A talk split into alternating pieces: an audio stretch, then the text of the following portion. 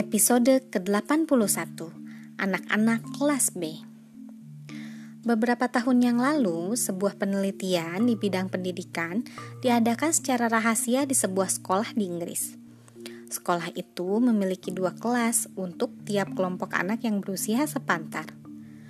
Pada akhir tahun ajaran diadakanlah sebuah ujian dalam rangka memilih anak untuk pembagian kelas pada tahun berikutnya.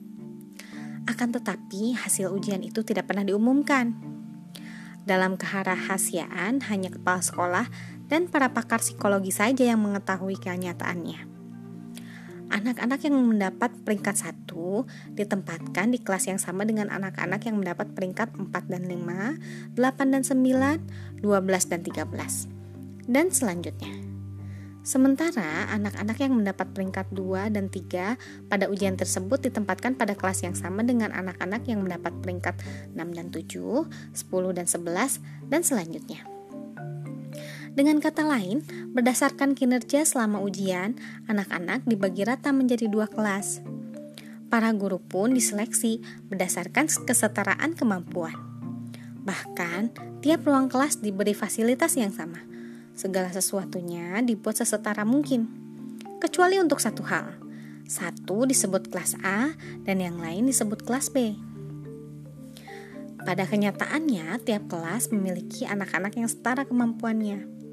Tetapi, di benak setiap orang, anak-anak dari kelas A dianggap sebagai anak-anak yang cerdas.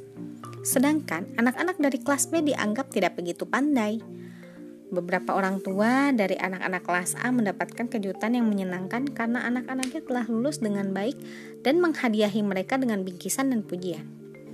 Sementara beberapa orang tua dari anak-anak kelas B mengomeli dan menghukum anak-anaknya karena mereka dianggap tidak berusaha cukup keras selama ujian.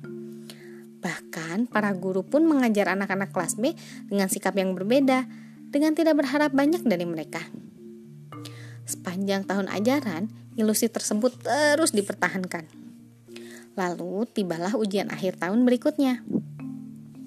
Hasilnya membuat merinding, tetapi tidak mengagetkan. Anak-anak kelas A menunjukkan prestasi yang lebih baik daripada anak-anak kelas B. Pada kenyataannya, hasilnya juga akan seperti itu jika dahulunya mereka terpilih sebagai setengah dari yang teratas pada ujian tahun lalu mereka benar-benar menjadi anak-anak kelas A atau nomor satu dan di kelompok lain walaupun setara pada tahun lalu mereka menjadi anak-anak kelas B atau nomor dua sungguhan.